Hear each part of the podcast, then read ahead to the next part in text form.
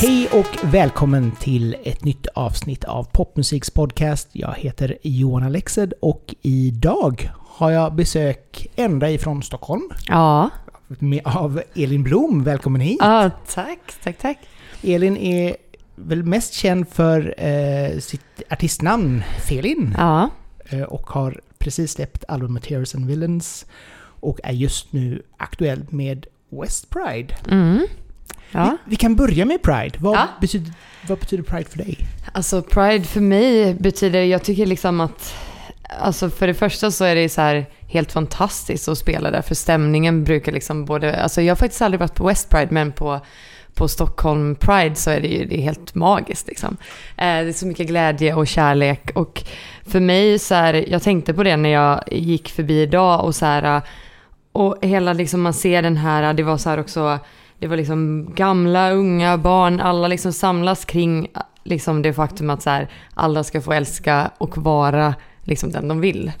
Eh, och det känns fantastiskt och det är ju liksom fantastiskt att här i Sverige så är verkligen Pride en fest och, och därför känns det liksom så viktigt att, att eh, uppmärksamma det för att så är det ju inte överallt i världen och eh, det är helt hemskt att tänka att det inte är så liksom. Så alltså det är så mycket den kärleken och den glädjen som är både på liksom Stockholm Pride och som man redan känner nu på West Pride, den önskar jag alla hade fått känna.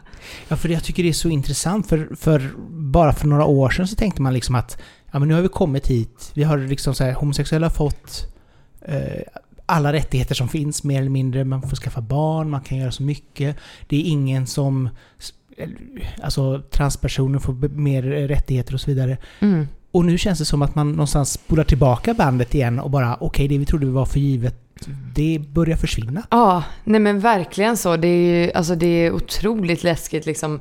Alltså vad som händer i världen och så här, man liksom, och se på USA liksom. Vad de, alltså det är så mycket galenskap där som pågår nu och liksom det ska liksom förbjudas liksom undervisning kring olika sexualiteter i, liksom skolorna. Det är, eh, ja, nu var det ju någonting i Texas om att man inte, barn skulle inte få gå på dragshows Ja. liksom. Och man bara så här, men är det här verkligen problemet med världen? Alltså det, bara, det är helt galet liksom. Nej, alltså att det är så här, eh, och det, och sen just man ser så här, ja men det känns som också nu kriget i Ukraina och sånt att det också Förutom liksom, alltså att det har blivit också, det är ju en kamp mellan liksom demokrati och icke-demokrati, men också kring liksom en kamp med att frihet och rättigheten att liksom få vara den man är. Och alltså det, det är verkligen som du säger, det, det är också läsk, det är läskiga tider i världen nu. Och det känns som verkligen det är många krafter som försöker vrida tillbaks klockan. Ja, absolut. Och det känns... Det har ju ändå varit intressant med ditt album uh, Heroes and Villains att du har tagit upp så pass många av de här frågorna redan då. Mm, Eh, och just det, alltså som, som Nuclear Waste liksom. Mm. Eh, och, och Dear Boys. mm. Där det han mycket det här att man ska få lov att vara den man är och man ska få lov att ja, inte Ja. vara stereotyper och så vidare. Ja men verkligen. Har, har den här den här aktivismen kan man kanske kalla det för, även om det är kanske lite fult ord på ett sätt. Men Mm. jag tycker ändå det är liksom den här, den, eller att du brinner så mycket Mm. för just den här frågan. Har den Mm. alltid funnits med dig? Ja, jag skulle säga att det alltid har varit liksom, alltså eh, ända sedan jag var liten, jag kommer ihåg så här, jag var, alltså just så här olika frågor och orättvisor i samhället, det var liksom alltid så här, ja men jag skrev någon låt när jag var liksom 11 som hette Fröken Perfekt och handlade om så här könhetsidealen skönhetsidealen typ. Och eh, en låt som hette Klimatsången som handlade om så här klimatförändringarna. Liksom, och man bara så här, men hur, alltså jag var liksom typ 10-11 år typ. Så någonstans har jag, jag har alltid liksom känt den här, äh, någonting som bara så här brinner inom mig. Att jag liksom måste stå upp på det sätt jag kan. Även om det inte kommer förändra världen så är det liksom ändå göra det jag kan för att liksom eh, stå upp för det jag tror på. Ja, och samtidigt så ser du också, nu är du millennial eh, kategorin medan då generation Z, eller zoomers Mm. då, känns ju ännu mer angelägna om, om just Mm. klimatångesten och detta. Så att du har ju ändå någonstans Mm. förstått detta i ganska tidig ålder. Det som inte ens vi gamla gubbar har förstått. att, att det liksom så här att man måste verkligen engagera sig i detta och Ja. i alla samhällsfrågor. Mm. Ja. För, för jag menar, redan, alltså, även om man är- känner att man är lite privilegierad som vit Mm. man, hej och i Sverige, Mm. så är det absolut ingen säkerhet imorgon liksom. Nej, och då, och då är det ju också, och ännu mer så här, har man ett, ett privilegium att man liksom, och vilket de liksom flesta som, alltså att man bor man i Sverige så är det fortfarande ett av de mer liksom jämställda länderna i världen, även om det finns mycket såklart här också, mycket orättvisor och mycket att jobba på, men, men det är fortfarande, kollar man på världen så är det fortfarande en av de liksom mest jämställda länderna. Och eh, då tycker jag det, då, en, liksom, har man då möjlighet och, och för oss att uttrycka och stå upp för någonting innebär ju egentligen inte liksom, i vissa länder kan det ju innebära i princip liksom livsfara att göra det. Så, och fortfarande då så är det ju så här beundransvärt de som fortfarande då vågar stå upp Mm. för liksom mänskliga rättigheter och, och liksom jämställdhet och sånt. Eh, men därför är det så himla viktigt att har man det privilegiet att, att, man, att det inte innebär livsfara, då måste man ju verkligen stå upp för det. Liksom. Ja, men absolut. Så försöker jag mer och mer tänka. Jag har varit ganska dålig på det när jag växte upp. Men nu känner man att nu har man liksom varit en sån här ögonöppnare. Och man Mm. bara, okej, skärp dig Johan. Du måste Mm. ta tag i detta. Men hur var det, du, bo, du var i USA, har varit i USA väldigt mycket. Mm. Eh, Hur, hur känner du att du har varit där liksom?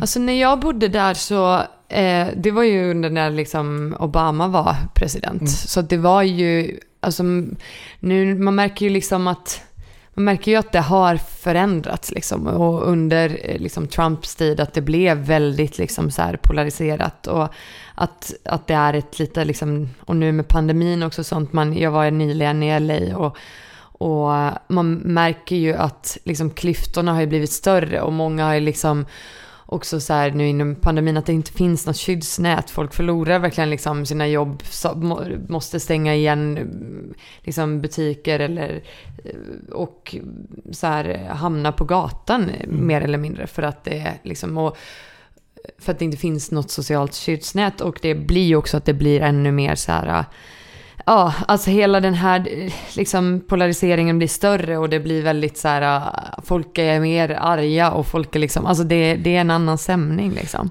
Jag tror att det är det som kan bli så farligt. För jag menar, först har du då som sagt var pandemin och sen har du eh, frustrationen som kommer ifrån det. Sen har Mm. du nu en, en, en går vi in i, i en recession Mm, och allting. Så att det är så mycket som just nu bubblar upp. mm, Och det gör ju liksom att minoriteter blir ju lätt en slagpåse. mm, Liksom. Och då kan man ju komma, då kan det ju komma liksom såna här idéer liksom att ah, men det är transfolkets fel eller det är Ja. bögarnas fel eller vem Ja. det nu är liksom. Och helt plötsligt bara What? Vad händer nu? Ja, exakt. Det är så här, ja, för att det är liksom man, det är så mycket ilska och frustration som kommer ut på helt fel sätt. Ja, Liksom.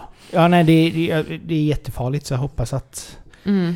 Vi kommer till en, en bättre, bättre värld snart igen. Ja, ja, det hoppas jag. Det känns som att så här, det har varit eh, liksom... Alltså det, det har varit omtumlande tid i världen Mm. liksom, på många sätt. Och det känns som att så här, man hoppas liksom att det skulle bara så här, lugna ner sig nu och liksom till, bli alltså bara en lite mer snällare värld. Liksom. Ja.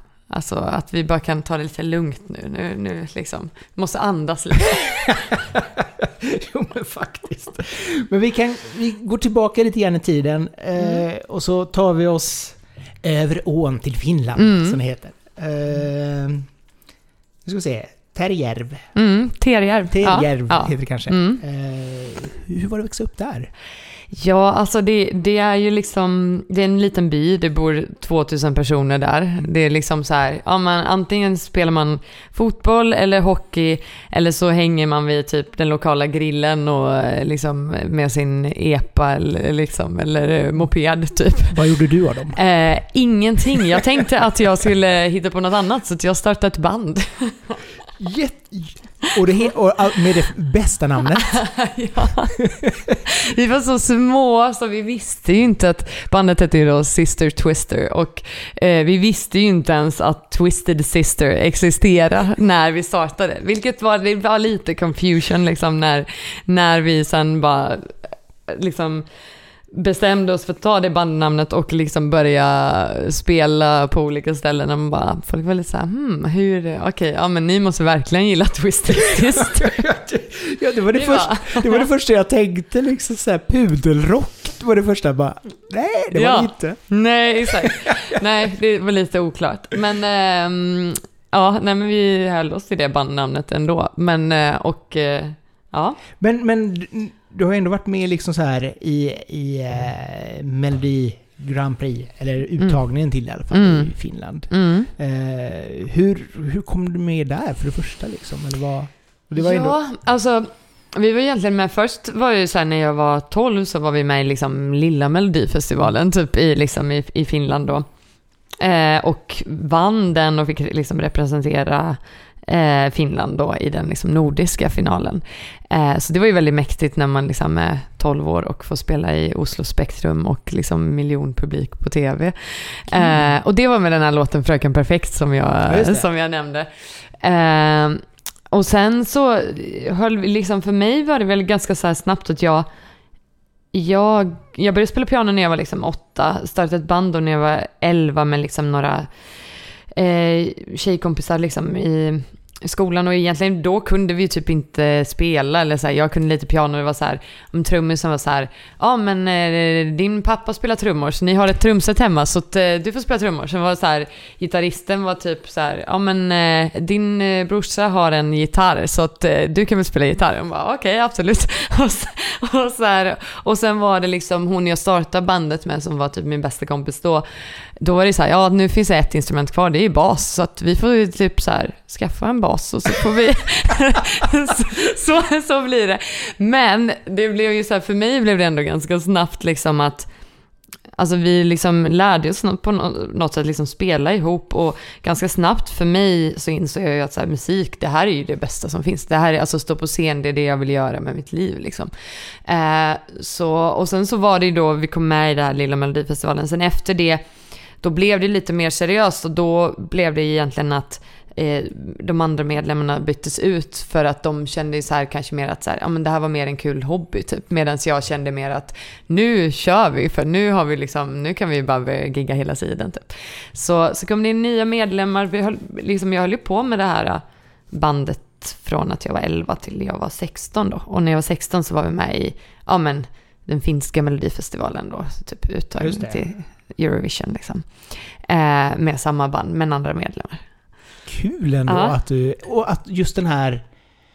Alltså, för du har ju även varit med i Svenska Idol. Mm. Eh, men just den här tävlings...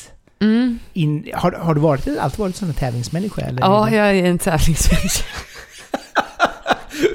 Eh, Sen vet jag inte om jag liksom så här, det, det är mycket så här, kan man tävla i musik och sånt och det här kan jag ju, det kan jag hålla med om att det är så, för det är så, alla har så olika liksom Ja. smak och det är så här, så att, eh, så på det sättet så, men, men däremot så är jag nog en tävlingsmänniska, alltså med att jag vill liksom, eh, ja, jag vet inte, jag har liksom också, när vi spelar sällskapsspel och sånt och har gäster över, då har jag ibland blivit utvisad ur de här spelen. För att jag tar det på så mycket allvar. Så dig ska man inte spela Monopol eller Trivial Pursuit Nej, med? nej, alltså Monopol, herregud. Ja, nej, nej exakt. Jag, då, det, nej, jag vet inte. Det liksom börjar krypa i kroppen på mig när det inte går bra i tävlingen. Liksom. Det är så roligt. Nej, men, det är så kul också, för just nu när man, när man ser liksom dig på, på, på, på eh, olika pressbilder och så vidare. Mm. Du har liksom den här hård, cool attityd och sen bara hmm, Eurovision. Mm, ja. Och det blir, det blir sån härlig kontrast liksom. Just det här också att man kan, man kan liksom omfamna båda två delar och liksom bara så här vara var en cool attitydmänniska liksom. Ja. Och ändå bara, ja men fasen jag gillar Eurovision. Ja, Punkt. ja. Nej, men det, det tycker jag till exempel så här, alltså att det också blivit en Eh, eller framförallt med liksom Måneskin som vann, vann liksom, alltså det är ju helt så här makalöst att de har kombinerat liksom vinna Eurovision med att så här vara på liksom, jag såg dem på Coachella nu liksom, det är Saturday Night Live, de öppnar för Rolling Stones, man bara så här, vem gör det på samma år liksom? Nej, alltså, och just det här att de blev så enormt stora i USA. ja, Alltså det kändes inte som de blev så stora i Europa som de blev just i USA. Nej, exakt. Och USA är liksom inte ens, det, det var inte ens en liksom, alltså de är inte ens med i Eurovision. Man bara, hur gick det till liksom? Men det är så jävla roligt liksom. Eh, men de, det är ju jättemäktigt och det är som det var så här, eh, men jag, just när jag såg dem på Coachella, alltså det är så jäkla bra live också. Alltså för då är det ju verkligen rock'n'roll och smuts och ös och bara så här, alltså det är så jäkla eh, nice liksom. Hur är Coachella? Aldrig varit där. Alltså älskar Coachella, det är helt magiskt. Det är liksom, nej jag vet inte, det är en sån speciell känsla, liksom hela det här, just att det är öken liksom, landskapet på något sätt och med liksom, det ligger alltid så här på kvällarna när solen går ner någon slags så här dimma av den här sanden som är bara så här, det är typ det mest magiska ljuset man har sett och så bara liksom när man kommer in där typ första kvällen och bara så här ser det här pariserhjulet, hör musiken och man bara det är så mycket folk och alla är så himla liksom uppklädda liksom. Alltså det är så här, äh, jag vet inte, det bara en sån otrolig mäktig stämning. Hur många gånger har du varit på? Två gånger har jag varit där. Okej. Vilken är den magis- mest magiska upplevelsen musikmässigt? Oj, eh, ja nu, alltså, nu har jag ju liksom Måneskin och det liksom mest i minne. Mm. Eh, sen tror jag att jag såg, jag såg Banks där första gången jag var där och det var typ det första jag såg på Coachella så det var en väldigt så speciell liksom eh, upplevelse verkligen. Eh, så ja, sen i år så var jag med Måneskin var verkligen grymma. Sen eh, Stromae så här, var jättefett liksom live och supersnygg liksom Kul. show och sånt. Och sen så, så såklart såg jag ju liksom, ja men alla de här eh, liksom headliners, liksom Harry Styles och Billie Eilish och Swedish House Mafia. Swedish House Mafia var ju kul för att det liksom, man, var så här, man kände sig lite extra stolt att vara svensk typ. Ja, men visst är det så. Jag bodde i USA ett år och så var vi på någon, eh, något dansställe i alla fall och så körde Mm. de Roxette. Ja, Och då blir man också så här bara... Oh, ja. då blir man extra mycket svensk helt plötsligt. Ja, ja nej men verkligen. Det är så här, nej men det är också, det märkte jag när jag bodde i, jag bodde ju i typ två år i LA. Och jag märkte ju alltid om man nämnde liksom att man att kom från Sverige så var det ju så här direkt liksom i musikkretsar så bara, ja ah, men mycket liksom, ja där finns massa bra låtskrivare och producenter och bara folk känner ju till liksom Max Martin och, och så här liksom. Det är ändå skönt att vi har, äh, otroligt att vi har blivit så pass internationellt stort namn på Ja, musikscenen. verkligen ja. Så att det är ju hur mycket som helst. Ja. Eh, tillbaka till Eurovision. Du kommer, Ja. du kommer inte undan. Eh, Ja. eh, Svenska Melodifestivalen, någonting för dig? Kanske. Jag börjar liksom eh, tänka att jag börjar liksom öppna upp eh, den dörren lite. För jag känner också att det har blivit just med Måneskin och med liksom att eh, jag har ju alltid, alltså jag har ju liksom som jag sa, jag har ju varit med i, i Finland och jag har ju alltid kollat liksom, jag är uppväxt med man kollar alltid på Melodifestivalen liksom.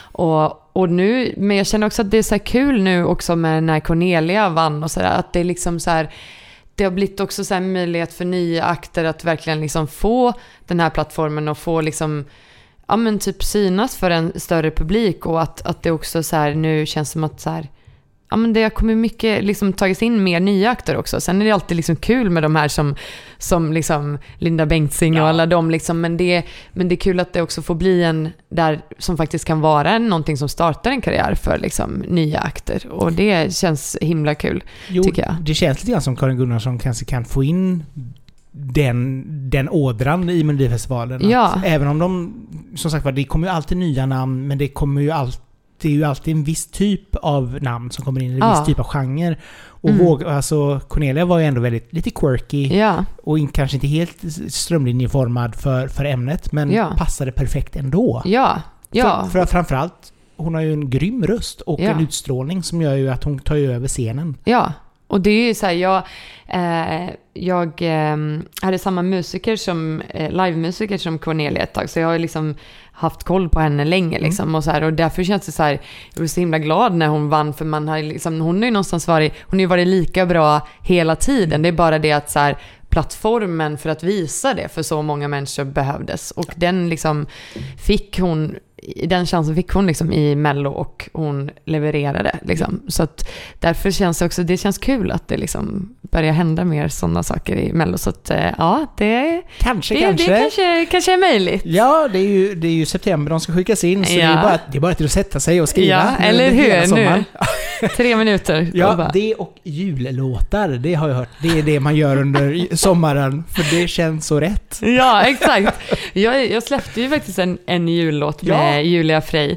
Eh, och eh, ja, den skrev jag nog också under sommaren faktiskt. Ja, men det brukar vara så, för det är då man måste skriva det för att det ska hinnas komma ut. Liksom. Ja, men det är väldigt speciellt när man bara så här, det är typ nästan midsom, midsommar och man bara så här, mm, undrar om vi ska ha lite så här bjällrklang i den här. Så underbart härligt. Liksom. Ja. Vi måste gå igenom lite grann om din musikhistoria. Vi brukar ju alltid rabbla fem stycken album eller låtar Mm. som har betytt mycket. Mm, eh, För att få en liten bild. mm, Så tänkte jag att du ska få lov att enter the stage and tell us all about it. mm. Nu ska jag kolla vilka här jag har skrivit upp. Ja, Eh, för jag försökte liksom, jag utgick lite från Ja men dels kanske så här, vissa, jag, jag gick på låtar istället för album Mm. för att det så här, eh, jag är också mycket, jag har absolut liksom favoritartister och favoritalbum och sånt men jag är väldigt mycket ändå en låtperson som är så här, eh, fastnar för specifika låtar liksom. Och eh, då eh, så utgick jag lite från, ja men dels sånt som jag känner musikmässigt har format mig, men sen också mer så här låtar som på något sätt har betytt någonting för mig i liksom i ett specifikt tillfälle eller en specifik period i livet. Typ. Eh, så, ja men ska, ska jag bara liksom... Du kan börja med det första och så kan vi Ja. snacka lite grann runt den. Ja, men då den första eh, låten är Dreaming med Blondie. Nice. Mm. Vad, vad, vad är det med denna som är så speciellt? Ja, alltså Blondie överlag är liksom så här, det är fortfarande en av mina största inspirationskällor och det är liksom det, min första inspirationskälla egentligen. Jag kommer ihåg när jag liksom precis hade startat eh, bandet eh, och eh, min pappa visade mig liksom någon eh, video med Blondie typ. Så här, Youtube hade precis kommit då. Och så, här, så visade han en video och, och så här eh, och jag bara wow, det här är så coolt. Och New York och bara så här, jag vill åka till New York och jag vill också så här, spela på CBGBs och typ, ja. Eh, och sen, eh, men den låten då, Dreaming, känns för att det är liksom, ja men det, linen där går ju liksom så här, dreaming is free. Och jag tycker att det är liksom, jag lyssnar på den nu nyligen under pandemin så hade jag, för jag hade det albumet som den finns med på, på vinyl och så lyssnade jag på den och så bara satte på den i bakgrunden typ. Och när den kom och så här, och då blev det så här, jag vet inte, den fick liksom en ytterligare dimension då, för då var det som att så här, jag bara fick någon så här, liksom upplevelse av så här, shit, för att jag, det har verkligen varit under pandemin som en så här, någon form av liksom livskris har man haft kring att så här, jag, liksom, jag har alltid eh, vetat att jag vill hålla på med musik, men den första gången jag liksom har tvivlat på det är under pandemin, för att för mig är liksom live-biten och att möta publiken så stor del. Och när man inte visste om det kommer tillbaka och hur det kommer tillbaka och när, så blev det liksom lite så här otydligt för mig varför jag håller på med det här. Och sen när den låten då bara kom på så var det som att jag bara stannade upp och bara så här, verkligen lyssnade på texten och bara tog in det och fick någon så här eh, bara påminnelse om hur kul det var när man liksom startade sitt första band och bara känslan av att liksom spela tillsammans med andra och, och just streaming is free, att så här, hålla fast vid den här drömmen som man har och som man har haft liksom hela livet. Underbart. Och just det också att det är just Dreaming och inte liksom så här Heart of Glass eller Atomic Mm. som är liksom de mer Mm. st- stora hitten. Liksom. Mm. Så att, Ja. framförallt så gjorde Utah Saints en jätterolig remix på Dreaming Ja. för länge sedan som var en favorit för min Ja. Så det är lite kul. Men jättebra val. Vi går vidare. Ja, eh, då nästa, så jag tänker, jag har liksom listat dem lite i någon slags kronologisk Ja. ordning. Nästa är The Sounds med Living in America. nice. Ja, och det är typ, eh, det är en av de första låtarna vi började spela med det bandet som eh, jag startade när jag var 11. Jaha, Eh, Sister Twisters började med... Ja, Ja. exakt. Gjorde en cover på den och spelade för någon eh, skolavslutning eller någonting typ. Någon så här, när vi var små. Eh, men jag tyckte ju, alltså jag tyckte liksom så här, Maja Ivarsson är så himla cool och en sån mäktig frontfigur liksom. Och jag har sett The Sounds live flera gånger och jag älskar den liksom energin. Och, och det är också så här, ja men också varit musikaliskt en, en inspiration. Bra val. Mm. Efter den har vi... Efter den, ja då har vi, de, nu kommer de alla ganska lika, men eh, Mm. eh, i tidsmässigt, eller de har inte så, men vi kan fortsätta med en som har liksom en, eh, eh, ja men vi kör med It takes a fool to remain sane med The Ark. Också grym låt. Ja, alltså den är ju typ, alltså det är verkligen en låt som jag önskar att jag hade skrivit. Alltså den är helt eh, magisk. Och där också, jag är ju verkligen också en textperson, så att det är så här, jag tycker den texten är bara briljant liksom. Eh, och den på något sätt symboliserar lite hela, jag, jag sommarpratade i Finland eh, för några år sedan och då gjorde jag faktiskt en, eh, då, det råkade så att den studion jag jobbade i då, då var Ola Salo där och jobbade också. Så, eh, och då hade jag liksom, höll jag på med det här sommarpratet och så kom jag fram till att så här, för jag pratade lite liksom om min uppväxt och sånt i en liten by och hur det är också att så här, det är ganska tufft när man liksom har en dröm och sticker ut, klär sig inte som alla andra, är inte som alla andra. Eh, och det är väldigt mycket jantelag och väldigt mycket liksom, ja men här, du ska inte tro att du är något liksom. Och, och, eh, och jag pratade mycket om det i mitt sommarprat och då kändes det som att Ja men då har det liksom landat i att den låten måste avsluta sommarpratet för den bara symboliserar hela det. Så då, och då fick jag idén att så här, ja men bara men shit, Ola är ju liksom i, i, i studion så ska jag, bara kolla med han om han skulle känna för att göra en eh, duett på den liksom. Så att vi gjorde en så här akustisk eh, duett på den som avslutar mitt sommarprat. Nice. Så det var ju väldigt mäktigt och det var ju också väldigt så här, jag, jag liksom var så här, ja men han kanske inte säger ja. Sen så här, så här eh, smsade han typ på kvällen. Han bara, ja jag är på, vi kör imorgon. Jag bara, åh shit, alltså jag tänkte typ om en vecka eller något. Alltså jag, okej, så, att, så jag fick typ sitta liksom hela natten och bara, alltså det är ju också han som har skrivit låten så man känner ju liksom så här, bara no pressure, jag måste liksom spela den här nu perfekt och bara lära mig texten utan till och så här. Men det blev superbra och han är supertrevlig och jättehärlig person och, och grym liksom. Så att det blev superbra. Kommer ihåg när den släpptes, då jobbade jag i skivbutik. Och så Mm. kom det in en, en herre eh, som bara hämtade singeln och bara Det här är det bästa jag har hört på hur länge som helst. Och det, texten är så otroligt viktig. Ja, Och man bara, ja, mm. det är faktiskt en fantastisk text. ja, Och den är just- fantastisk. Nej, men just det här, hela den här inkluderande och just också just det här att ja, man måste vara lite galen för att överleva detta. Mm. Ja, verkligen. Nej, den är, den är briljant alltså. Ja, Efter The Ark. ja eh, efter The Ark så skulle jag säga, då är det en lite otippad låt faktiskt. Eh, för, eller otippad låt i sammanhanget. Då är det Lyckligare nu med Linnea Henriksson. Ja. Och den är egentligen...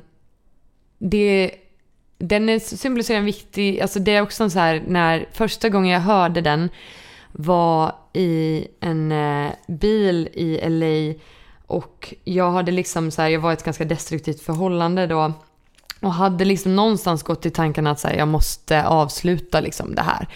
Eh, så var det så här en, eh, en kompis som hälsade på mig då Eh, och det var väldigt mycket kaos i den, men så här, den eh, liksom perioden i mitt liv.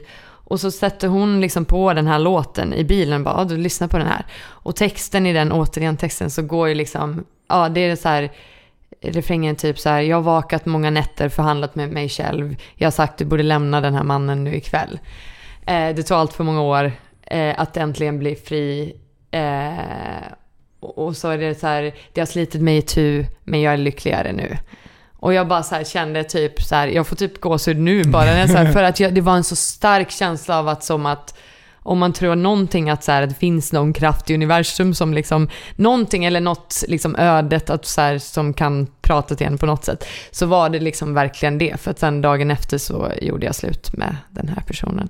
Och det var verkligen som att så här, jag behövde höra den låten just då. Du behövde den sparken liksom Mm. bara. Och eh, så, så därför är den låten med liksom, för att den är, jag tycker fortfarande idag så är det så här, ja men jag vet inte, på något sätt känner någon tacksamhet när jag hör den låten, som att så här, den bara ledde mig på rätt riktning då, eller bara bekräftade det jag redan visste kanske, men, men så här, ja, den var viktig då. Och hela händelsen blev Vulture sedan. Mm, exakt, det blev Vultures sen ja. Mm. Men, men hur... Hur länge finner man sig i att vara ett destruktivt förhållande? Alltså jag tror liksom efter den upplevelsen så har jag, alltså man har en helt annan förståelse för varför man kan stanna så länge i ett destruktivt förhållande. För att det är liksom, det börjar ju aldrig så. Utan det är ju så här, du bryts ju ner allt det som, alltså ser man på det utifrån idag så ser jag ju liksom så här, bara, men hur, alltså det här var ju inte okej någonstans. Alltså det är så många händelser som är bara så här. Men det är ju också det att det var, alltså när det är en person man först litar på, vi var liksom kompisar innan, man tänker så här, det här är ju en bra person. Och så börjar det komma liksom, det börjar ju ofta med så här små gliringar först som bara börjar liksom, för att bara liksom ta ner ens självförtroende tills det liksom är totalt i botten sen om man känner att så här, man har varken liksom ork att, eller någon tro på att man ens kan lämna det typ. Oj, det blir så pass Ja, alltså, men det blir ju någonstans, det blir för, ja exakt, det blir förlamande på något sätt. För det blir ju, och sen var det liksom så här när det är liksom, allt man gör kan resultera i ett liksom stort bråk och man liksom, eh, det, det blir ju att man till slut, och så här, man liksom fjärmas ju från vänner och från liksom, Alltså så här, alla som skulle kunna också säga att så här, det här är inte bra. Det blir liksom att så här, de pratas det ju också skit om och blir liksom så här, och, och är man liksom, gör man saker med dem så får man massa skit om liksom. Eh, och, och, och man så här, till slut, det var ju så här, ja men till slut så sov man ju typ inte för att det var bara bråk, bråk hela natten och man typ, man blir ju också galen till slut för det för att man är liksom, man är, man är helt slut bara. Ja, men det förstår jag. Det förstår, alltså, men det är också bra och viktigt att våga ta det steget. Men var det också ett steg som du hade tänkt länge att jag måste ta det? Ja, så jag hade tänkt det ett tag, men för någonstans var det en del ändå av mig som bara sa det här är inte bra liksom. Det här är bara så här, alla varningssignaler bara blinkar samtidigt typ. Eh, och eh, så, så jag hade väl liksom tänkt det och det var väl också så här, någonstans så, ja, jag vet inte. Det, allting liksom då, just då när min kompis så här, var och hälsade på så var det lite så här, allt ställde sig på sin spets på något sätt. Och det var så här, Tyvärr blev vi, liksom, jag och min kompis också, ovänner i samma liksom. Men vi Ah. har, vi har liksom reconnectat nu. Det var henne jag var på Coachella med nu senast. Så att vi har liksom, så att nu är liksom slutet gott, allting gott på något sätt. Så att du, du Mm. blev av med honom och Mm, du kunde gå vidare ändå. exakt, jag fick tillbaka min vän, skrev en låt. Nu, jag är lyckligare nu. Som, ja. Underbart! Efter Ja. den sista av låtarna på listan. Mm. Eh, ja, eh, sista är eh, What Kind of Man med Florence and the Machine. Mm. Och det är bara för att jag, alltså den har jag också gjort en liksom akustisk cover på.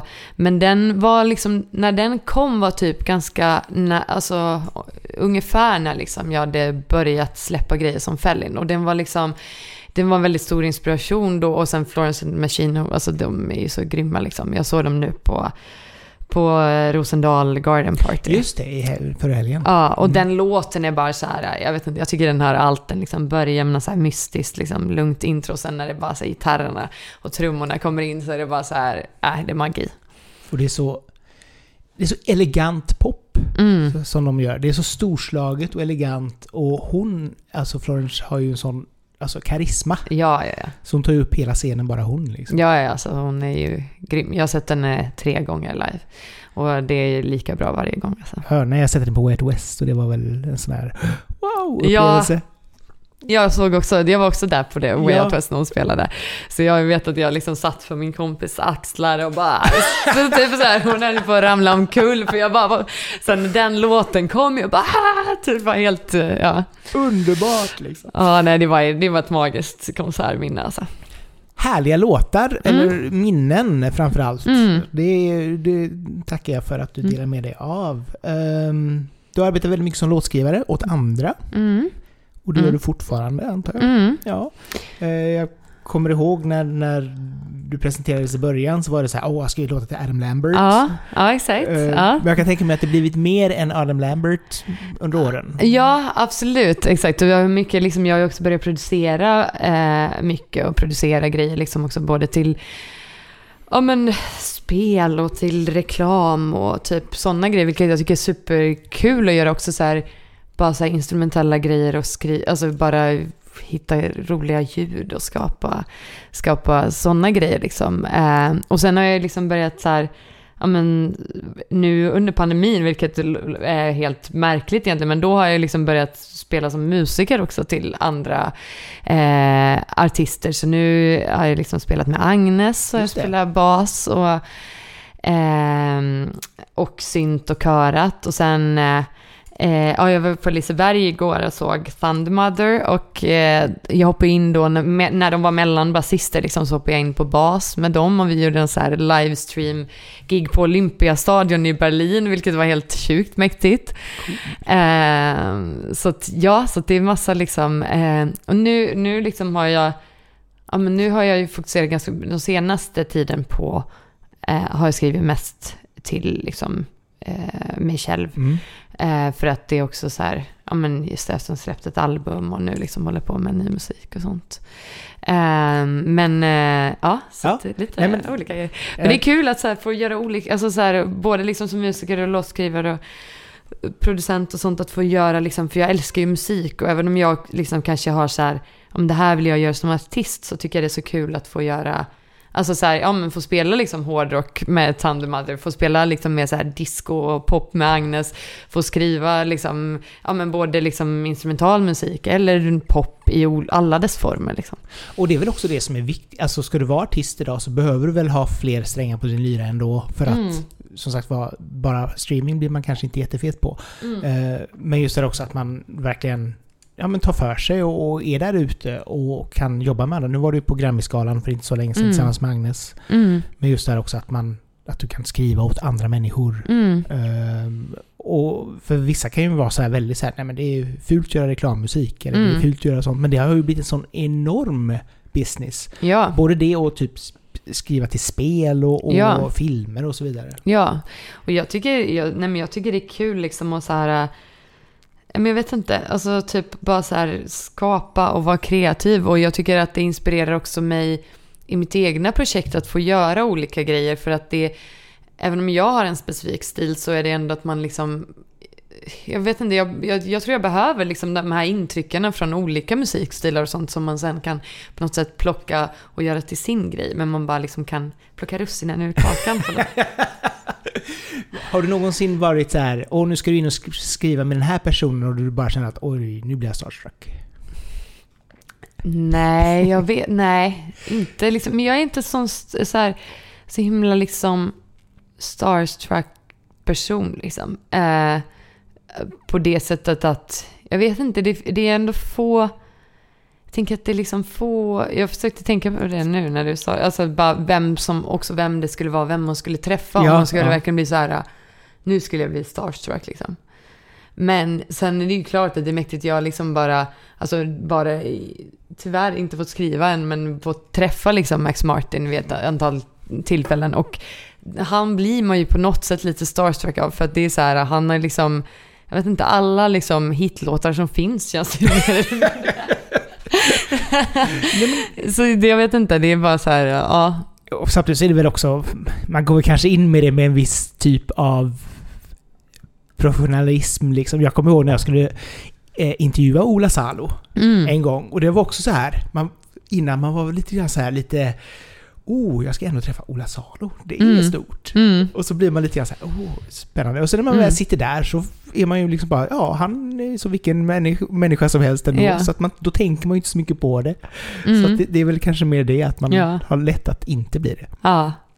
Så- Nej men exakt. Nej, men jag tror det, det, det är ändå, ja, exakt. Jag tror det är liksom att man ändå när man, ja men jag vet inte, man fokuserar på liksom uppgiften och på, liksom på något sätt.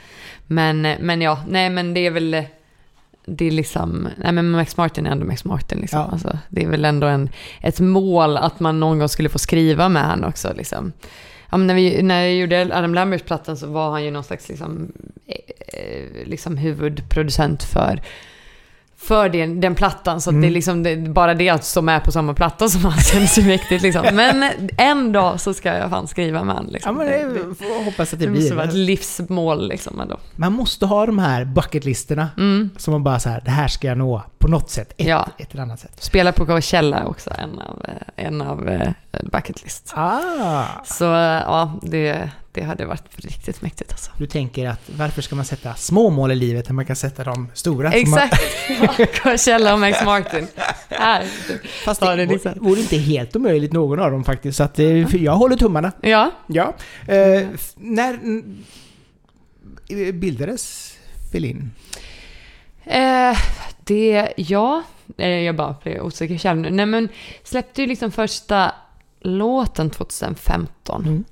Eh, och det var väl ganska liksom, ja, jag vet inte om man, alltså såklart så det bildades ju tidigare. Någonstans idén föddes nog kanske till och med ett år innan det nästan. Eh, att så här, jag hade hållit på liksom, alltså, men länge liksom så här, ja men, först var jag liksom i bandet, sen det här som Sister Twister, sen så gjorde jag Idol, sen flyttade jag liksom till LA, pluggade musik där, höll på med liksom lite olika projekt, skrev till andra. Och sen så ville jag ju någonstans så här, ja men hitta liksom vad mitt egna liksom, vad jag ska göra själv så här. Som, och då föddes det ju då egentligen, alltså jag träffade Fredrik som då är min kille och min blivande man till och med. Vi ska gifta oss snart. Ja! Mys och eh, som är fotograf och regissör. Och eh, vi började liksom jobba ihop då egentligen på ett projekt jag höll på med då. Men någonstans så här, för mig har liksom den visuella biten också varit så väldigt viktig. Liksom. Jag, jag älskar när liksom en artist har, eller ett band har liksom en helhet av så här, ja, men går man på konserten så får man liksom en helhetsupplevelse. Kollar man in videosen då förstärker det låtarna. Och, och liksom... Eh, och, och han jobbar just då väldigt mycket med, eh, med Icona Pop och, och reste runt mycket med dem och gjorde mycket liksom videos och bilder till dem. Och så diskuterade vi lite det här med så här, fan det vore kul att liksom starta något projekt där det liksom kanske är Ja men här något, eh, då i början kallade vi oss också liksom en audiovisuell duo typ. Mm. Så att han är ju liksom F1 i Fellin, den hemliga bandmedlemmen. Men nu är det liksom, det är jag som är artisten Fellin. Eh, men han är fortfarande väldigt delaktig. Och, och, så att jag tror vi börjar, någonstans börjar vi liksom lite så här, jag börjar jobba i studion med olika personer, se vart det liksom, alltså så här hitta, försöka hitta vad, hur musiken skulle låta och vi börjar liksom jobba lite så här kring videos och, och hur det visuella skulle vara. Och det kanske är då, ja men, jag och Fredrik träffades 2013 så, ja men slutet av 2014 kanske någonstans. Så det var ändå kanske åtminstone ett halvår, ett år nästan innan det första släpptes så var det, så började liksom det så småningom ta form någonstans till att det blev liksom Fellin. Men det är ju då när, i och med Revolt släpptes så kan man väl säga att Fellin liksom, det var då det föddes liksom på riktigt. Men, men var idén redan från början det här att ni skulle ju liksom hela tiden kombinera det visuella med musiken, eller hur? Ja, ja men absolut. Och det var ju liksom så här, eh, ja men liksom inspirerade av hela liksom så här, ja men så här Andy Warhol, The Factory-grejen och liksom så här, och ja men så här, eh, sen är det ju lite coolare än liksom Det går ju liksom inte att tävla med det. Men, men, eh, nej men alltså tanken om att liksom också så här, för jag har väldigt så här, många liksom, nu har vi också så här, ja men liksom alla videos vi släpper och sånt, så även om vi jobbar med olika personer så har vi, vi har någonting som vi kallar för Felling Collective, som Mm. egentligen är det är väl jag och Fredrik i grunden, men det är någonstans liksom en...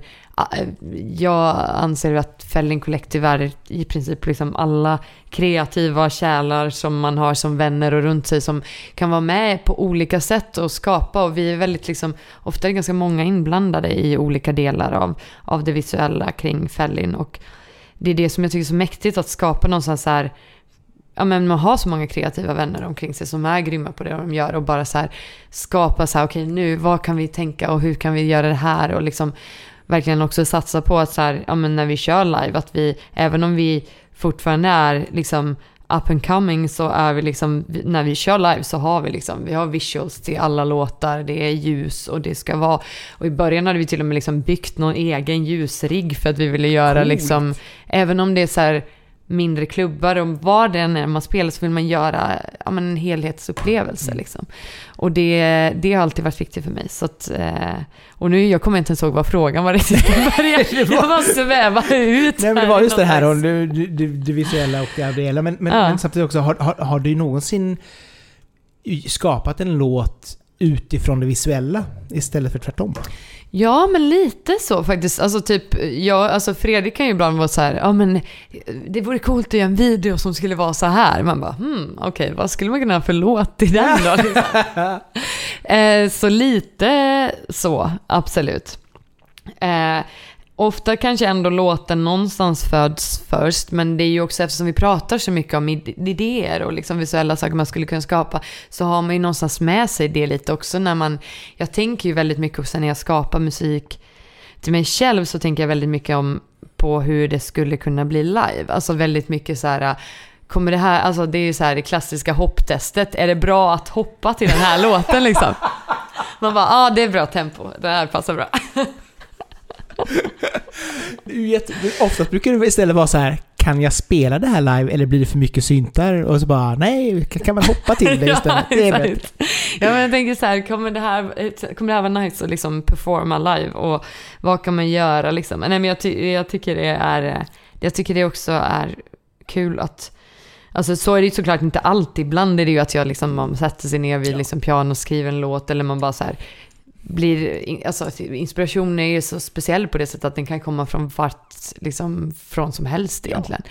Men många gånger så tänker jag ändå lite någonstans när man börjar, när det, låten börjar ta form ändå lite så här att man kanske vill ha också lite så här, ja men vad känner man ska ha sticket liksom, vill man att, ha en del som kan bli lite mystisk eller vill man ha att här ska det liksom vara värsta öset? Alltså jag tänker väldigt mycket så live när jag när jag, redan när jag skapade studion, hur det skulle kunna, hur ett framträdande skulle, av den här låten skulle kunna kännas liksom, och vad man, vad man vill känna live. Liksom. Kul, för det är lite grann så kan jag tänka mig om man är författare och skriver bok, att man liksom så ser scenen i huvudet man, samtidigt som man skriver. Mm. Och det blir ju samma sak här då för dig, att mm. du bara säger okej okay, hur kan det här se ut när jag framför just det här? Mm. Det också, men skönt också att båda två verkar då ha en väldigt visuell bild av hur ni ska framföra er eller du ska framtona er liksom. Ja.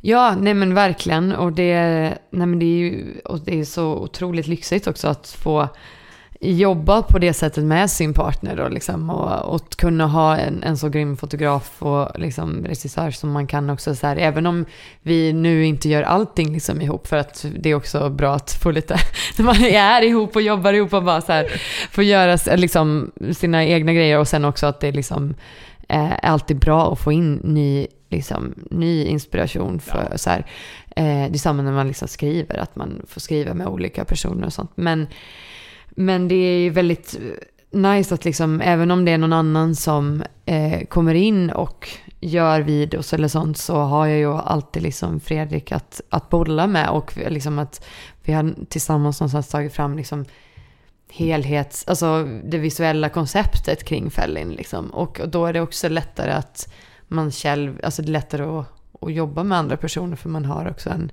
en bild ändå av ungefär vart man är på väg. Liksom. Ja, och det, det, är nog, alltså, det är nog många artister som inte har det tänket utan bara säger åh jag vill göra musik. Men mm. jag tycker det är så snyggt. Alltså, jag älskar till exempel The Sound of Arrows mm. som också jobbar väldigt mycket med det här med bild Det visuella och det audiella. Mm. Eh, och jag blir så imponerad av sånt när man verkligen har det här helhetstänket. Att man förstår att ja, men, släpper jag singlarna till ett album så ska de ha ungefär samma känsla som Mm. albumet och så vidare och så vidare. Så Mm. att det någonstans finns en röd tråd i allt man Mm. gör. Mm. Det tycker jag är jätteviktigt och Mm. framförallt väldigt snyggt. Ja, nej, men man älskar, jag älskar liksom när jag, man hör en bra låt eller upptäcker en bra låt och så går man och kollar på videon och man bara wow, det var fett. Och sen ännu liksom om man går och kollar på artisten live och bara wow, okej, det här, nu är jag ett fan liksom. Hur, men kan det någonsin bli så här... att- Nu, nu sa du lite grann att ni kanske inte jobbar 100% hela tiden Mm. nu heller, men kan det bli lite så här mycket av att leva tillsammans med en person som man jobbar väldigt mycket med och samtidigt också varje dag kan liksom så här bolla idéer med liksom? Ja, alltså det, ja absolut. Det kan ju liksom så här, det kan nog vara mer, alltså så här, ta hand tycker jag bara så här, kan vi prata om någonting annat nu? Men jag blir ju också så här, jag vet inte, så här, framförallt man håller på med olika liksom, eh, men jag blir ju också, man, alltså det är ju så här, vi båda är ju så här på det sättet att för oss är ju liksom våra yrken mycket mer än våra yrken. Alltså det är en så stor del av ens identitet, liksom, vem man är och det man gör. Och det är så här, jag har liksom inte så mycket så här, om man säger så här, ja men har du några så här eh, hobbys eller fritidsintressen? Alltså så här typ man bara, fast min liksom, all min tid är typ musik liksom. Alltså mer eller mindre på något sätt liksom. Alltså att, att man Eh, liksom går och kollar på när andra spelar eller man spelar själv eller man tänker på någon låt eller man är i studion eller man lyssnar på musik. Alltså det är ju hela tiden liksom. Det är ju ens identitet på något sätt. Så din identitet är inte att sitta i din epatraktor och åka runt korvmojen. Exakt. Nej, nej, och jag är jätte liksom, dålig på alltså, eh, alla typer av sporter. Jag vet inte, det är, det är liksom inte, jag får inte ihop det. Jag skulle försöka liksom, jag vet inte, jag skulle försöka typ spela tennis och det var så här. Typ, och Fredrik skulle också, så här, för han är ändå ganska liksom, duktig på mycket så här, alltså ha liksom den naturliga, ändå så här att man fattar grejen liksom. Men och så här, jag, och jag skulle gå, vi var på någon resa, skulle gå på tennis. Eh, lektion och de bara så här, men okej, när bollen är där då ska du bara så här slå bara. Slut var det liksom bara så här, bara försök bara träffa bollen. Ja, okej. Alltså det var liksom så här, du glöm tekniken, någonting, försök bara pricka bollen Du liksom. får poäng varje gång du träffar den. Bara Ja. så här, vi låter dig vinna, bara du träffar den. Ja, så nej, bollsport är inte min grej. Men eh, det vore kul om man skulle lära sig lite mer och kunna liksom, det är ju roligt men det är problemet att jag är så himla dålig på det. Men det är också något som, alltså om man kollar på storbolagen idag, det är ju väldigt Mm. sällan som de kanske så här jag tror inte ens att Cornelia Jacobs har fått en musikvideo, en riktig musikvideo Mm. till sin, till sin Eurovision-låt. Mm. Eh, Medan ni ändå då eh, släpper ganska många videor Mm. eh, till era grejer. Hur, hur är det liksom? För det känns ju som att, alltså det, i och med att det kostar så, nu har du i och för sig lite grann in-house, men det kostar ju Mm. fortfarande pengar och tid liksom. Ja, Hur, hur bygger ni, hur arbetar ni upp liksom en plan för att göra detta? Ja, nej men det är väl alltså, det blir ju såklart att det, att, att det blir liksom kostsamt att göra det, men sen är det ju det att fördelen är ju då att också jobba med, alltså att hitta personer också som är också liksom på väg upp på något sätt och, och hitta liksom och så här eh, grymma personer, för det finns, det finns så himla mycket grymma personer om man bara letar liksom efter dem. Men sen, och sen också så här, men det är såklart att man har ju väldigt många tjänster som man eh, är skyldig massa personer eh, i framtiden som man eh, får liksom, Så du får spela bas för många band snart. ja eller hur? Nej, men jag tycker det är ändå ganska fint, just just det här också att man verkligen lägger, alltså som ni då, lägger ner så mycket tid på att verkligen göra ert varumärke så starkt som möjligt. Ja, nej men det är ju otroligt mycket, alltså så här, många liksom videos har ju jag alltså så här, hållit i hela produktionen mer eller mindre liksom själv och bara så här, alltså det är ju jättemycket jobb alltså, liksom att hålla ihop, hitta alla de här personerna, hitta locations, försöka deala med allt möjligt, liksom hur ska man få ihop det? Och så har man liksom en budget och hur ska allting liksom, och så vill man göra det så snyggt som möjligt. Och där sen är det ju såklart lyxen att liksom att, att jag är tillsammans med en fotograf liksom, men men också och att vi känner många fantastiska kreativa människor liksom. Mm. Men, eh, men det är absolut, det är mycket energi och tid som läggs ner på det. Och, men jag känner ju att det är så viktigt så att jag vill göra det också liksom. Men, men sen så kanske liksom, ja, sen, sen är det ju så här eh, såklart att man får liksom, ja men lite liksom se eh, vad som är möjligt att genomföra och sånt så att man inte bara, men för mig är liksom det visuella så viktigt så jag vill lägga mycket tid på det liksom. Mm. Ja men det, då blir det ju en del i gruppen om man säger så, eller artisteriet, Mm. så att det är viktigt. Eh, som sagt var, ett album ganska nyligen släppt, eller ja, nästan ett år sedan i och för sig, kommer jag på Mm. nu. Mm, Blir det ju faktiskt. exakt, Ja, halvår typ. Oktober, Ja, exakt. så det är faktiskt nio månader sedan. Ja. Eh, åtta. Men Ja. eh, hur, hur, är, hur ser du framtiden liksom för projektet? Mm. Nej men framtiden för projektet liksom. Eh, men det känns som det är en del spännande grejer på gång nu. Får se vart allting landar. Eh, och jag har ju varit liksom independent väldigt länge. Det känns som att det är snart dags kanske att få lite, skapa ett lite större team. Eh, runt om mig och, eh, och det, det är något vi jobbar på nu. Och, och sen eh, det skrivs väldigt mycket ny musik. Så att det är massa ny musik som förhoppningsvis får komma ut snart. Eh, det, ja, jag vet inte exakt när, men jag tänker att så här, någonting kommer det komma i höst. Mm. Ehm, om det är en singel eller en EP eller vad det blir. Det får vi se hur, hur mycket låtar vi lyckas få till i studion. Liksom. Samtidigt så är det väl det som är det fina med den digitala världen, att man faktiskt kan släppa en singel och så sen kan det ta ett halvår innan nästa grej kommer, men just det här med Mm. livstecken liksom. Ja. Att, hallå, Ja, men exakt. är. Men är, Ja. det, är det viktigt att, att, alltså, att vara independent och få ett större team behöver ju kanske inte betyda att man får ett stort skivbolag bakom sig, men är det, skulle det vara en viktig sak för dig? Känner du att ligga under skivbolag eller är det någonting som du vill rodda i själv? Eh, alltså både och. Jag är väldigt så här typ, alltså, jag har ju kört independent också för att jag har ju alltid velat, så här, jag har haft en tydlig bild av så här, vad jag vill göra och, och så har jag varit ända sedan jag liksom startade min första band, att jag kör på bara. Alltså så här, var liksom 15 så bara ringde liksom och bokade gigs och vi var liksom både runt så här i Finland men vi var även i Ryssland och spelade och liksom eh, och bara så här, ja, ja, nu ska vi fått något gig här. Så, här, så typ bara, mamma och pappa, vi måste nog ändå... nu. eh, eh, ja, ehm, och så här, eh, jag har alltid kört på liksom. Mm. Och, så här, och det tror jag att den mentaliteten är så här att jag bara liksom, jag har inte liksom orkat vänta på att saker ska hända, utan då ser jag till att de händer på något sätt. Ja, och, Eh, men sen så känner jag att det vore också, det vore väldigt kul att, att testa att, att, att liksom jobba med ett skivbolag och, eh, och med ett team och också få liksom fokusera.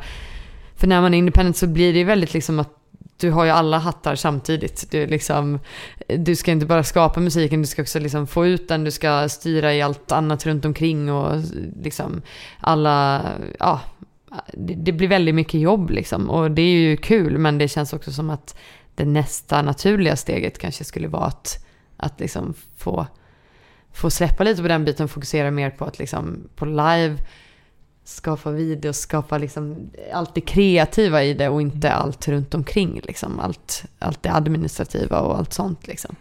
Så men vi får se vart det landar. Det är, eh, ja, men det, det är spännande tider nu och det känns som det är mycket så här saker som, som är så här och det låter alltid så här flummigt, man bara, ah, men det är inget som så här, man inte kan säga någonting om konkret. Men det är mycket liksom olika vägar som utforskas just nu. Ja. Och så får man se vart, vart allting landar snart. ja. Men för, för du är ändå liksom så här, jag, jag har för mig att i början så körde du independent helt även när du skickade ut PR-material. Men sen har Mm. du legat på Clap. Clap your hands, ja. Ja, Exakt. Och de liksom jobbar jag ju med. Ehm, och, eh, och, och varit med nu ett tag och även liksom innan med, med Malin som jobbar där som, så har vi liksom, vi har jobbat ihop väldigt länge och det är väldigt härligt att ha ha liksom personer omkring sig som man ändå ska, att man har liksom, man inte, man känner sig inte helt ensam i den här branschen liksom. Nej men det är nog viktigt också och framförallt att man, alltså som sagt var, har man byggt upp en relation med en person som, som gör Mm. ett visst jobb så är det ju bara till att köra vidare så länge man känner att man har det utbytet med varandra. Liksom. Ja, Sen går det ju alltid att testa andra vägar ett tag och så ser man hur det känns och sen kanske man kommer tillbaka igen. Det är ju så det kan Ja. vara liksom. ja. Så att eh, det finns alltså med andra ord mycket som kan hända Mm. i... Ja, nej men det är mycket, det är mycket så här. Och det jag tycker är så spännande nu liksom med att så här äntligen, alltså man känner liksom så här, ja men med just så här livebiten och sånt, nu börjar det verkligen så här, alltså det, ja, ja men först när restriktionerna släppte så var man lite så här, ah shit, man var liksom helt utmattad från att ha behövt tänka om och ställa om och liksom under hela den här pandemin. Och man, så här, och man bara, shit, borde man liksom växla upp nu men alla försöker springa på liksom samma bollar. Så, att- men nu är det liksom man bara okej, bara andas lite, bara börja liksom och därför också känns det här, ja men fokusera på att skriva nytt. Har ändå en, en del gigs nu inplanerade men att liksom bara så här för att nu är det så mycket som händer så det känns också som att snart kommer allting liksom bara efter den här sommaren känns det också som att så här, då kommer liksom lite av det som allt som var inställt har varit och så kommer man liksom kunna också börja planera framåt lite mer. Ja, Liksom. jo men det, det är nog klokt också. Och jag menar som sagt var Publiken försvinner ju inte imorgon utan den är ju faktiskt kvar ett tag till. Förhoppningsvis. Ja, Så att, och samtidigt så också så här att jag menar har man då kanske en ny singel till höst mm. så har ni ju ändå någonting nytt att komma med samtidigt som du kan fortfarande jobba med albumet. Liksom. Ja, ja men exakt. Och det är ju liksom det ja, men, som vi tänker liksom att få ja, men släppa, släppa grejer liksom och, och jag är ju ja, men jag jobbar ju i studion alltså eh, väldigt liksom ja, flera dagar i veckan i princip hela tiden så att det, det är ju så här liksom det blir ju låtar och sen måste man bara landa i liksom vilka låtar man vill ha med och vilka som ska släppas och, och videos och allting sånt som det ska vara till liksom. Men det, eh, men det har ju också varit, det har varit ett speciella år nu med pandemin och så här, men nu känner jag väldigt, väldigt taggad på att liksom komma ut och spela live och bara så här. Jag är väldigt, jag är väldigt peppad på att liksom skapa musik just nu och det har man inte typ eh, känt på, alltså den här glädjen över att liksom, över att göra musik. Det, ja men det känns som det, det är liksom så här, man är så här, ja men verkligen så här så peppad på det just nu när det är så här, inga restriktioner, man kan spela live, man kan liksom, Man kan göra vad man vill. man kan göra vad man vill. Exakt, Ja. utan, utan att flyga från Arlanda. Ja. för Det går inte. Exakt. Skriva på svenska. Alltså jag, jag gjorde ju det när jag, ehm, ja men eh, då liksom när vi, en del på svenska när vi hade det här bandet Ja, i Finland liksom. Exakt. Eh, men sen dess har jag faktiskt inte skrivit på svenska, svenska så att det är ju, ja man ska ju aldrig säga aldrig. Det är inget som jag liksom så här eh, har planerat att göra nu men det, man vet aldrig liksom. Kanske för någon annan artist liksom. Och göra, det hade varit kul att, att, att testa på det igen liksom. Ja, och se, test, testa... Eller kanske finska. Ja, ja, det, ja, nej men då får man nog, min finska är lite rostig nu. Jag pratade ju flytande finska när jag, eh, när jag bodde där, för då var i den sista konstellationen i bandet så var två av medlemmarna liksom helt finskspråkiga. Eh, jag förstår fortfarande finska och kan läsa det och sådär, men, eh, men eh, att prata det är lite rostigt. det, är, det, är- det är liksom när det inte blir någon naturlig så, eftersom hela min familj och alla pratar liksom svenska så blir det så här, man använder det inte så mycket. Nej, jag kan tänka mig det liksom. Att då, då blir det skolfinska. Mm, exakt, och då är det så här, man hänger inte liksom med på om man ska skriva på finska. Så här. Man hänger inte med på alla liksom de här, eh, ja men hur man, alltså så här, uttryck och liksom saker så att det skulle kännas naturligt liksom på något Mm. sätt så som folk pratar. Underbart. Eh, vi pratade förresten innan vi avslutar allting så Mm. eh, temat på, vi började med Pride och som sagt var temat på Heroes and Villains skulle ju vara liksom kvinnors rättigheter, klimatet och Mm. de goda och onda krafterna i världen har du skrivit här. Mm. Vad känner du själv att du försöker göra för att till exempel förbättra eh, både för kvinnors rättigheter och klimatet? Ja, nej men dels här eh, så, så är det ju bara liksom att prata om det är ju liksom en grej såklart. Sen måste man ju också agera ut efter, ut efter det. Jag har, börjar ju nu under pandemin också eh, plugga på halvtid. Eh, statsvetenskap. Eh, för att jag skulle kunna liksom, om jag inte skulle göra musik, nu vill jag ju göra musik, men så, så skulle jag liksom eh, kunna tänka mig att jobba med någonting som, alltså inom någon organisation som jobbar med den här typen av frågor. Liksom. Och, och då kände jag väl att statsvetenskap var en bra grund och i vilket fall att ha, liksom, någon, ha få mer kunskap om, om hur världen fungerar för att också kunna få mer liksom verktyg till att veta var och hur man kan påverka liksom det, de beslut som tas. Och den, ja. Mm. ja, men det är bra. Och då har mm. du ändå spännande utbildning. Hur lång har du, är den klar eller är det liksom? Nej, jag har bara pluggat ett år och den är liksom, det är tre års. Ja. Eh, så, men eh, det, ja, men det är väldigt spännande. Men det är ju verkligen var en helt annan grej liksom att sätta sig in i liksom att börja plugga på universitetet liksom och bara just det, så här, alltså man ska läsa och det ska, så att, men jag har liksom fått ihop det ändå liksom, jag, nu har jag sommarlov. Ja, så, så, då... så, så, nu är det bara musik liksom, så att, eh, som, som gäller fram till slutet av augusti igen. Musik och Pride. Ja. Underbart. Tack så jättemycket för att du kom hit Elin. Ja, tack själv, så kul. Ja, trevligt. Och till er som har lyssnat så hoppas jag att ni har tyckt det har varit trevligt också och vill dela detta fantastiska avsnitt med era vänner. Prenumerera gärna på podden så kommer nästa avsnitt direkt ner i er poddapp. Men ifrån Göteborg så säger jag och Elin tack och hej! Tack, hej då!